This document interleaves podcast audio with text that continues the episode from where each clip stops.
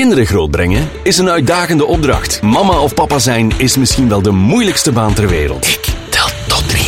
Deze podcast gaat over de kleine kantjes van het opvoeden. Wij brengen echte verhalen met een knipoog, een traan en een lach. Want wat is het een voorrecht om dat kleine mensje te zien opgroeien met het hart op de juiste plaats. Welkom bij Ik Tel Tot Drie. Welkom bij deze aflevering van Ik Tel Tot Drie. Heel fijn dat je weer luistert. Net als volwassenen hebben kinderen ook wel te maken met problemen. Dat kunnen kleine akkefietjesproblemen zijn of net gigantische bergproblemen. En let op, want een klein probleem voor jou als ouder is misschien wel een Mount Everest uitdaging voor je kind. We kunnen als ouder niet alle moeilijkheden wegtoveren voor onze kinderen, maar wat we wel kunnen doen, is kinderen laten oefenen in het aangaan van deze problemen. Ik ben Steven Gillis en vandaag neem ik de hosting van deze podcastaflevering op mij. Dank ook aan onze sponsor hippeschoentjes.be. Vandaag praat ik met Ingrid Koppes. Dag Ingrid. Hallo. Ze is een mama van twee dochter, dochters, is uh, kinder- en gezinscoach en werkt al meer dan 20 jaar met kinderen en ouders. En daardoor heeft ze heel wat expertise als het gaat over hoe kinderen hun problemen kunnen tackelen. Welkom bij Ik Tel Tot 3, Ingrid. Daarnet, voor de aflevering, vertelde je me dat er vaak te veel wordt gefocust op de problemen. Wat bedoel je daar eigenlijk mee? Ja, ouders die melden zich hun kinderen bij mij altijd aan met een probleem. Ze lopen vast thuis in de opvoeding en ze zien eigenlijk enkel nog maar het probleem. Uh, vaak is er geen aandacht meer voor wat er eigenlijk allemaal goed gaat. En daardoor zitten ze een beetje in een neerwaartse spiraal. Ik werk oplossingsgericht. Dat wil zeggen dat de focus niet op het probleem ligt, maar ik uh, ga vooral kijken naar wat wil je in de plaats van het probleem. Wat is de gewenste situatie en hoe kunnen we daar naartoe gaan. Uh, het ontstaan probleem is dan helemaal niet belangrijk, maar gewoon hoe we de weg naar de gewenste situatie, daar gaan we naar op zoek en daar gaan we aan werken. Waardoor het ook voor kinderen niet vervelend is om aan problemen te werken, omdat we het negatieve achter ons laten en we gaan op zoek naar het positieve en waar we naartoe willen. Je zegt eigenlijk is het niet, probleem, uh, niet belangrijk om stil te staan bij het probleem, maar hoe gaan we dat probleem uh, aanpakken? Wat is dan een ideaal stappenplan om zo'n probleem aan te pakken? Bij jonge kinderen gebruik ik vaak uh, het programma Kids Skills. Dat is een speelse oplossingsgerichte methode die de moeilijkheden waar kinderen mee geconfronteerd worden eigenlijk probeert op te lossen. Uh, het probleem, daar gaan we dan niet van uit. We gaan vooral uit van wat heb je dan nog te leren? Welke vaardigheid moet je eigenlijk onder de knie krijgen om beter te worden in iets? Als je wil, kan ik uh, eventjes de stappen een beetje toelichten. Ja, graag. Daar ben ik heel uh, in, geïnteresseerd in. Kan je eerst nog vertellen, Kids Skills is denk ik een oplossingsgerichte methode. Um, wat is juist oplossingsgericht? Staat dat voor dan meteen maar de oplossingen geven aan kinderen? Ik denk het niet, hè?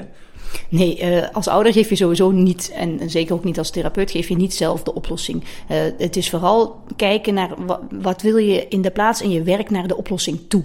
Dus de weg daar naartoe en de vaardigheid die je dan moet leren, die is belangrijk. Minder belangrijk dan het probleem dat er ontstaan is. Oké, okay. nu ben ik wel geïnteresseerd in de stappen uh, om die problemen aan te pakken. Wat is zo'n stappenplan?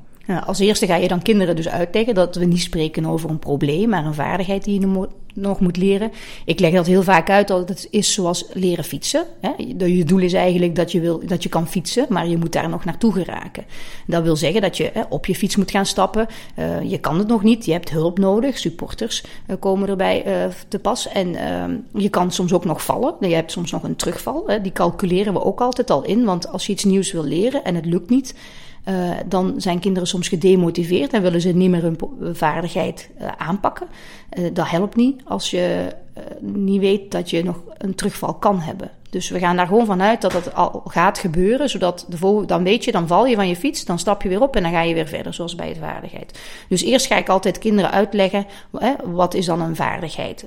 Dan gaan we samen op zoek naar welke vaardigheid heb je dan te leren. Dus het loopt misschien fout in de klas, uh, kinderen kunnen niet zo heel goed opletten, hè, maar misschien uh, kan je dan al starten met uh, flink op je stoel zitten en naar de juf kijken. Hè? Zo'n vaardigheid moet ook altijd positief geformuleerd zijn. we gaan niet vanuit dat je niet moet wiebelen op je stoel, maar we gaan ervan uit dat je moet stilzitten op je stoel. Mhm. Dat is een andere uh, formulering. Uh, die stap uh, is belangrijk. Ehm, heel belangrijk is het om de voordelen in te doen zien van de vaardigheid. Je gaat kijken van wat als je hem dan kan, wat levert je het je dan op, zodat kinderen echt gemotiveerd worden om eraan te werken. Als jij aan iets moet werken van je ouders, waar jij je zegt van ja, waarom doe ik dat in hemelsnaam? Hè? Alleen maar om jou een pleziertje te doen, dat gaat niet lukken. Daar, dan willen kinderen daar niet in mee verder. Dus je zegt dat de intrinsieke motivatie gaan opzoeken bij kinderen, dat dat heel erg belangrijk is in deze stap. Ja, klopt. En als ouder hebben wij vaak de gewoonte om met oplossingen en adviezen al aan te komen voor kinderen. En zelfs bij mij als volwassene, als ze mij zeggen je moet dat zo doen, dan denk ik bij mezelf, ja, dat ga ik echt niet doen. Dat roept weerstand bij mij op. Maar zo werkt het ook bij kinderen.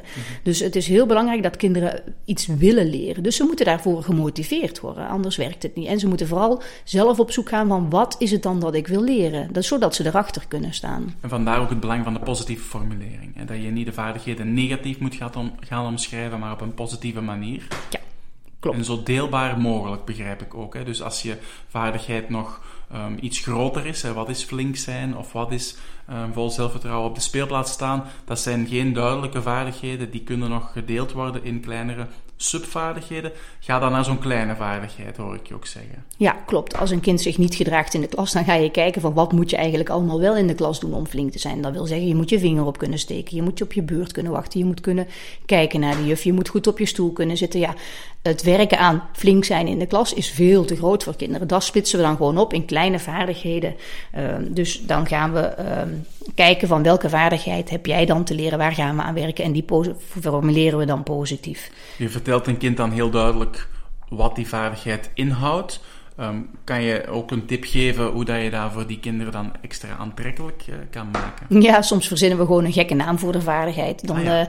uh, um, dan mogen ze dan helemaal zelf kiezen. Dat, dat kan dan gaan over, uh, sommigen zeggen ja, ik, ik ga het waffie noemen. en ik snap dan soms helemaal niet wat, wat zij daar dan leuk aan vinden, maar dat maakt het dus niet uit. Het ja. is hun idee en hun gaan er naam aan geven. Soms bij Kids Skills ga je ook een totemfiguur er eigenlijk bij te zoeken. Dat is een soort stripfiguur of held die misschien dat kind heeft. Denk maar aan een Pokémon-figuur. Die gaan we dan opzoeken op de computer, die printen we uit. En die kan het kind dan bijvoorbeeld helpen als die ergens aan herinnerd wil worden. Als in de klas dat Pokémon-figuurtje hem herinnert aan... oh, ik moet proberen stil te zitten op mijn stoel. Dan plakken we dat op de bank in de klas om er dan op die manier eigenlijk toch aan herinnerd te worden. Ah ja, of de juffrouw komt langs en die wijst naar die totemfiguur als kind zijn vaardigheid nog even niet vergeet. Dus zo'n gekke naam of een totemfiguur. Uh, ik voel dat je heel, heel sterk op dat, op dat moment, door zo te werken, echt op het positieve gaat uh, inwerken uh, met de kinderen rond, rond die vaardigheid. Kan je eens een, een specifiek voorbeeld geven van zo'n vaardigheid die je kan leren aan kinderen? Goh, de, je kan in de klas kan je aan dingen leren, zoals stilzitten op je stoel, opletten. Maar vooral thuis um, zijn het heel vaak kinderen die bijvoorbeeld ouders onderbreken als volwassenen praten. En moeders vinden dat vaak heel erg vervelend. Dus dan kan je werken aan de vaardigheid op je beurt wachten. Mm-hmm. Um, niet alle kinderen blijven flink aan tafel zitten tijdens het eten. Dus je kan werken aan de vaardigheid hè, tijdens het eten aan tafel zitten. Uh, kleine dingen. Kinderen wandelen soms uit hun bed of hè, komen vaak uit hun bed als ze moeten gaan slapen. Dat is ook een vaardigheid. Hè, in je blijven. Uh, of als ze bang zijn in het donker. Hè, uh, gewoon hè, stoer zijn in het donker. Hè. Ook weer positief geformuleerd. Kleine dingen. En dat houdt altijd wel veel in. Want we gaan zeker op zoek naar van wat houdt dat precies in. We gaan ook echt oefenen. We gaan die dingen nadoen om te kijken van hoe doe je dat dan? En wat, wat moet je daar allemaal voor kunnen voor die vaardigheid? Uh, dat is ook een van die stappen. Hè? Het echt bekijken van wat het inhoudt. en we vragen ook supporters. Dat is, KidSkills gaat er ook heel erg van uit dat je supporters vraagt. En dat kunnen je ouders zijn, het kan een vriendje zijn, een zusje, een broertje. Mm-hmm. Maar dat zijn mensen in je omgeving die je kunnen helpen om jij daaraan te herinneren, om je te motiveren, om je aan te moedigen, om ook als het even niet lukt, te zeggen van kijk, dat is nu eenmaal niet zo erg, maar je bent niet zo goed bezig. We gaan toch weer even hè, op het juiste spoor weer vooruit. Wat je daarnet ook vertelde, dat daarbij wel aansluit, denk ik, eh, onderbreek me of, of verbeter me als het niet uh, juist is, is kinderen hebben die nood aan die supporters, vertelde je daarnet, maar dat hier voor de aflevering zei je ook al, we moeten plannen maken met die kinderen om samen hun succes te vieren. Ja, ook Kids Skills vinden het heel belangrijk om eigenlijk al te plannen als je nog aan een vaardigheid aan het leren bent of om te kijken hoe dat je dat gaat doen, uh, om al een feestje te plannen eigenlijk om het te vieren. En je dat... gaat er eigenlijk al vanuit dat het zeker zal lukken. Ja, je gaat er vanuit dat het gaat lukken. Het heeft waarschijnlijk alleen maar tijd nodig en de supporters gaan je erbij helpen. Je gaat zelf ga je, je echt inzetten en bij dat feestje dan motiveert. Als kinderen al weten dat gaat eraan komen, dan motiveert. Als het feestje er eenmaal zelf is, als het kind het vaardigheid geleerd heeft, is het ook heel belangrijk om je supporters te bedanken. Dus hè, je voelt je groot, je hebt wat gehaald, je bent trots, je krijgt meer zelfvertrouwen en je bedankt je supporters omdat ja, je hebt ervaren hoe fijn het is om mensen om je heen te hebben die je hulp kunnen bieden of die je kunnen aanmoedigen. Dus ik onthoud, je gaat met kinderen het probleem zichtbaar maken, maar dan vooral heel snel over naar welke vaardigheid zou een kind hierin in kunnen leren om dit probleem te tackelen. Je gaat dan daar op uh, een hele positieve manier mee om. Wat de winst die erin uh, zit voor een kind? Wat zijn de voordelen als je die vaardigheid hebt? Je gaat die vaardigheid zelfs een naam geven, soms een totem. Je gaat supporters betrekken, want dat is heel erg belangrijk. Je gaat al plannen maken om het te vieren. En dan moet je denk ik concreet aan de slag gaan. Ja, klopt. Uh, ik oefen vaak al met kinderen, gewoon via rollenspel. Dan gaan we echt uh, uitspelen, zodat je ook ziet wat het allemaal inhoudt. En dan ga je ook echt afspreken met je uh, met het kind van wie kan je, met welke supporter kan je misschien gaan oefenen. Je kan ook uh, een nep-situatie gaan naspelen met die supporter. Um, ja, je kan op verschillende manieren gaan oefenen. Je spreekt ook echt af hoe vaak ga je het dan oefenen deze week. En vaak is het ook dat kinderen dan de week nadien eigenlijk al bij mij terugkomen om te vertellen hè, hoe is het geweest? Is het je gelukt? En wanneer is het je gelukt? Ook dan leggen we de po positieve uh, aspecten naar boven. Dan gaan we uit van wanneer is het je wel gelukt? En de, de keren dat het niet gelukt is, ja, die hadden we al ingecalculeerd. We hadden al gezegd van ja, kijk, als je iets nieuws leert, daar komt er soms eventjes niet van. Um, ik kan me voorstellen dat sommige kinderen het niet gemakkelijk hebben om um, die vaardigheid, om daar constant aan te denken, als het zeker eh, over iets schools gaat, om dat dan in hun hoofd te houden.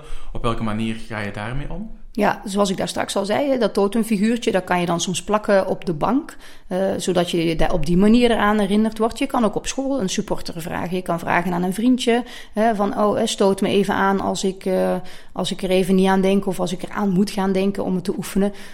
dus dat, dat kan helpen. Wat ik soms ook gewoon doe bij ouders of met een juf, is een codewoord afspreken. Een heel gek ja. codewoord, dan zeg ik bijvoorbeeld van banaan. Zeg maar banaan in één keer in de klas en dan weet dat kindje, oei, ik moet weer even opletten dat ik mijn vaardigheid oefen. En dan niemand in de klas weet waar het over gaat. Maar hè, dat is dan eigenlijk de communicatie op een grappige manier, op een leuke manier, zonder dat je iemand op zijn donder heeft dat hij het niet aan het doen is. Echt geheugensteuntjes. Ja, ja maar op een leuke manier. Altijd alles een beetje positief, vooruitgezien, hè, naar richting oplossing. Uh, ja, dus het is een hele leuke manier om aan problemen te werken. We zijn er nog niet, we zitten in een proces en we gaan er naartoe. is veel positiever dan uh, we zitten in de rats, in de problemen. Hè. Klopt ik neem aan dat als dan het succes eenmaal bereikt is, dat je dan die supporters daar terug gaat bijhalen. En dat je gaat een viering houden of een, een, ja, een, feest uh, dat het gelukt is. Klopt dat? Ja, ja, jij zegt ook vaak, it takes a village to raise a child. Um, daar ga ik ook van uit. En daar ja. zijn die supporters ook voor. En ook dat kind wil ik dat laten ervaren. Van kijk, je, je staat er ook niet alleen voor. En wij hebben allemaal als volwassenen al zoveel dingen geleerd. Dus we hebben ook wel die expertise. Maar we gaan je helpen om voor jouzelf dat ook te, te leren. Maar je gaat het alleen doen. En wij zijn er om je te supporteren. Om je terug op dat goede spoor te zeggen, zetten. En om je te motiveren. En om je aan te moedigen ook. En om te laten weten van kijk, we hebben er vertrouwen in dat je het kan. Ja. Een kind die dan een vaardigheid heeft geleerd, die kan natuurlijk misschien overgaan tot het, het aanleren van uh, nieuwe vaardigheden. Maar is er ook nog iets, ja, next level? Is er nog iets wat misschien nog beter is voor het kind of waar het nog verder in kan, kan doorgroeien? Ja, Kid Skills die wil eigenlijk altijd, als je een vaardigheid geleerd heeft, hebt, dat je hem eigenlijk ook aan iemand anders leert. Zo had ik laatst een jongetje, die was bij mij en die uh, had geleerd om rustig te blijven. Hij werd nogal snel uh, boos. En het was hem gelukt en we waren het eigenlijk aan het vieren. En we hadden het erover van ja, hè, nu eigenlijk zou je dat nog aan iemand anders moeten kunnen doorgeven. Want je hebt nu hè, zoveel al geleerd, hè, knap van jou. Hè, aan wie zou je dat dan kunnen doorgeven? En ja. het kind vertelde over zijn opa, die aan tafel ook wel eens boos werd. En dat hij eigenlijk ook wel kon gebruiken om uh, de vaardigheid rustig te leren blijven. Ja. Ik zeg, ah wel, ik zeg misschien een heel mooi iets om je opa te vertellen wat dat jij geleerd hebt. En hè, uit te leggen van hoe dat je dat gedaan hebt. Dus leer het een ander. Ja, een heel mooie anekdote vind ik dat. Een vraagje tussendoor voor jou. Um, wat is jouw meest ontroerende of emotionele herinnering als mama? Goh, Ik uh, had gedacht dat dat zou zijn als ik uh, voor de eerste keer mama werd en mijn kind in armen zou krijgen. Ik had daar een heel mooi beeld bij. En uh, op het moment suprem dat het gebeurde, ik kreeg mijn kind in mijn armen en ik dacht, wie is dat? dat kind lijkt niet op mij. Ik had helemaal geen herkenning met die vreemde baby die in mijn armen lag. Je zat niet op een roze wolk? Nee, helemaal niet. Ehm, dus ik had echt gedacht, oh, dat gaat een heel mooi ontroerend moment zijn. Dat was het niet. Gelukkig een paar dagen later voelde ik mij wel helemaal mama. Maar voor mij de meest ontroerende momenten als ouder zit het hem toch echt wel in als ik uh, spontaan een knuffel krijg van een van mijn dochters. Of uh, ze komen spontaan zeggen, mama, ik hou van jou. Of uh, ik zie met ze met elkaar fijn spelen. Of er gebeurt iets met de eentje. En de andere gaat heel zorgend, zoals ik altijd voor hun doe toepassen wat ze bij mij altijd zien dat ik doe. Dat vind ik echt heel mooi. We hebben vandaag een heel fijn gesprek met Ingrid Koppens. Vind je deze aflevering interessant?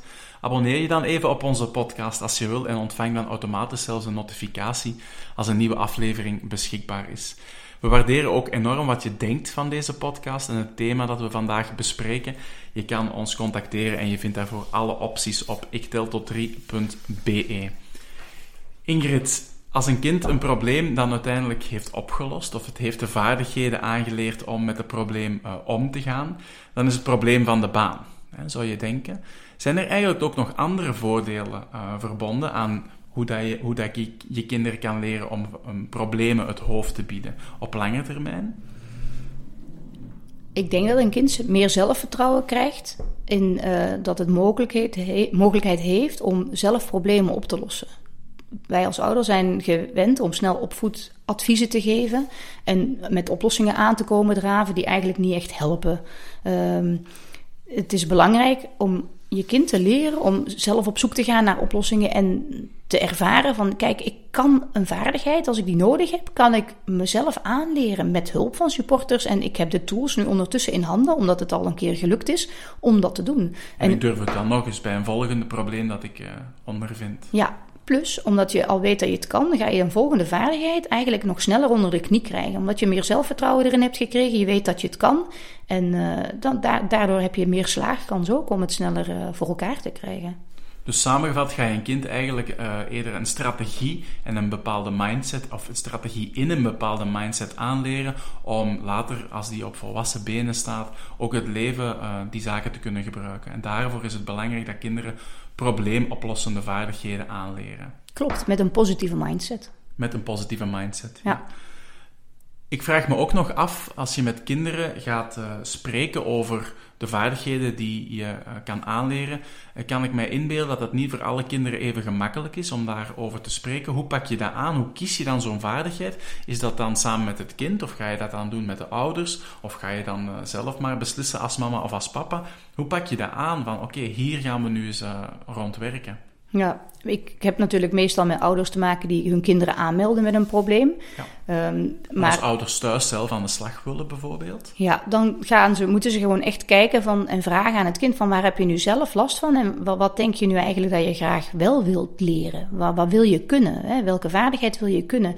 het is belangrijk dat wat je wil leren, dat het eigenlijk vanuit het kind komt en niet vanuit ouders. Ouders die kunnen wel zeggen, ja, je moet dit kunnen. Maar een kind is misschien helemaal niet gemotiveerd om dat te kunnen. Die vindt dat prima dat hij dat nog niet kan. Die is misschien nog gewoon lekker graag klein. Zit nog graag bij mama op schoot. Hè, komt nog graag uit zijn bedje. je moet echt gaan kijken van, uh, wat, levert het je op als je het wel kan. En dan uh, dus samen met een kind die vaardigheid zoeken. En uit vergroten eigenlijk en erop inzoomen van hoe is het eigenlijk ook als je hem kan. dan motiveert een kind eigenlijk om aan die vaardigheid te gaan werken. Dus het is zeker niet dat ouders de bedoeling, van ouders de bedoeling van kijk, dit moet je gaan leren. Het is echt samen op zoek gaan naar je kind van hè, zouden we misschien dan dit kunnen doen? Of hè, uh, wat denk je zelf? Hè? Als je dat dan zou kunnen, uh, hoe, hoe, fijn is dat dan voor jou? Je gaat echt op zoek naar de bereidheid van een kind, hè, naar de intrinsieke motivatie. Door um, de juiste vragen te stellen. Niet alle kinderen begrijpen alle vragen even goed. Uh, kan je met hen ook op een andere manier aan de slag gaan? Goh, ik uh, denk dat je heel snel dingen die je thuis voorhanden hebt kan gebruiken om te kijken, uh, al spelenderwijze, wat dat er eigenlijk niet zo goed gaat en wat er dan te leren is. Ik gebruik uh, vaak Playmobil poppetjes om situaties met vriendjes uit te spelen. Als het bijvoorbeeld gaat over uh, speelgoed afpakken, van wat gebeurt er dan, uh, over pesten, over iemand een duw geven, hoe vervelend is dat. Hè? En dan kan je soms ook van, van rollen wisselen, van knuffel wisselen, van Playmobil poppetje wisselen. je moet eigenlijk altijd bij kinderen op een speelse manier te werk gaan. Gewoon gesprekken voeren met kinderen, dat werkt niet fijn. Dat praat niet makkelijk, dat is een beetje bedreigend. Je moet echt op een speelse manier, zelfs al tijdens dat je met Play-Doh speelt bijvoorbeeld thuis, kan je, uh, kan je praten over van, hé, wat vervelend voor jou dat jij dit hebt meegemaakt. Hè? En, en dan op zoek gaan naar, ja, hè, hoe zouden we dat liever anders hebben? Of hè, wat, zou je, wat zou je nog graag willen, hè? Hoe, dat het loopt? Of wat dat je zou kunnen? Of op die manier. Je gaat dus eigenlijk op zoek naar laagdrempelige manieren, technieken. Um, ik hoor je zeggen Lego-spelletjes of Lego-popjes, Duplo-popjes, om met je kind in gesprek te komen. En dat is niet voor alle kinderen gemakkelijk door het beantwoorden van vragen, maar je zoekt kunnen ook diertjes zijn bijvoorbeeld, of met tekeningen kan je ook werken, neem ik aan. Maar je zoekt naar een manier zodat kinderen jou een, een goed zicht krijgen op de situatie en je tegelijkertijd werkt aan de innerlijke wil om aan de slag te gaan in het aanpakken van de problemen. Ja. Oké. Nog een vraagje voor jou als mama, Ingrid. Um, wat is een situatie die je zou kunnen vertellen aan de luisteraar waarvan je zegt dat nooit meer, dat wil ik echt niet meer meemaken? Goh, ik denk niet dat ik dat al ooit heb meegemaakt. Ik ben van nature een heel erg positief ingesteld persoon. Ik uh, maak van alles mee met de kinderen. Wij zijn ook heel reislustig. En uh, ja. ja. dus uh, nee, ik, dat nooit meer. Dat bestaat bij mij niet. Ik ben vooral altijd bezig met van hoe kan ik de volgende keer anders doen. Het probleemoplossend denken zit eigenlijk gewoon echt in mij gebakken van nature. En uh, dus dan zoek ik wel een andere manier om het de volgende keer aan te pakken. Of ik leer er vooral uit. Ik, uh, ja, ik ga niet, uh, niet de woorden dat nooit meer, dat hoor je mij niet zeggen. Dit antwoord doet me een beetje denken aan Carol Dweck. Hè? Ken je haar? Ja, die ken ik. Carol Dweck, voor de luisteraar, is een psycholoog en zij heeft um, um, gewerkt rond de groeimindset of de growth mindset, waar dat je eigenlijk op een positieve manier gaat kijken naar situaties die uh, nog niet zijn wat ze zouden moeten zijn en niet te veel blijft stilstaan bij um, wat er niet goed loopt, maar meer de focus gaat leggen op wat er nog zal komen. De hoop. Hè. Dat is wel heel mooi dat je op die positieve manier, Ingrid, vertelt over hoe dat jij als mama in het leven staat. Dankjewel ook Ingrid voor je duiding. Op welke website kunnen mensen meer info over jou vinden en wat je doet? Um, ze kunnen surfen naar www.allincoaching.be. Daar vind je meer uitleg, ook wat foto's van hoe ik op een speelse manier met kinderen aan het werk ben. Dus uh, als je curieus bent, dan moet je maar eens een kijkje nemen. Oké, we plaatsen de link ook zeker in de comments. En zo zijn we op, aan het einde gekomen van deze podcast. Ik wil jou als luisteraar heel graag bedanken dat je helemaal hebt geluisterd tot aan het gaatje. Dank ook aan onze sponsor hippeschoentjes.be en tot een volgende keer tot Ik Tel Tot 3. Dit was Ik Tel Tot 3, de podcast over echt ouderschap. Abonneer je voor nieuwe afleveringen, reageer of stuur ons een berichtje op ikteltot3.be. Vergeet niet, je staat er niet alleen voor, want It takes a village to raise a child.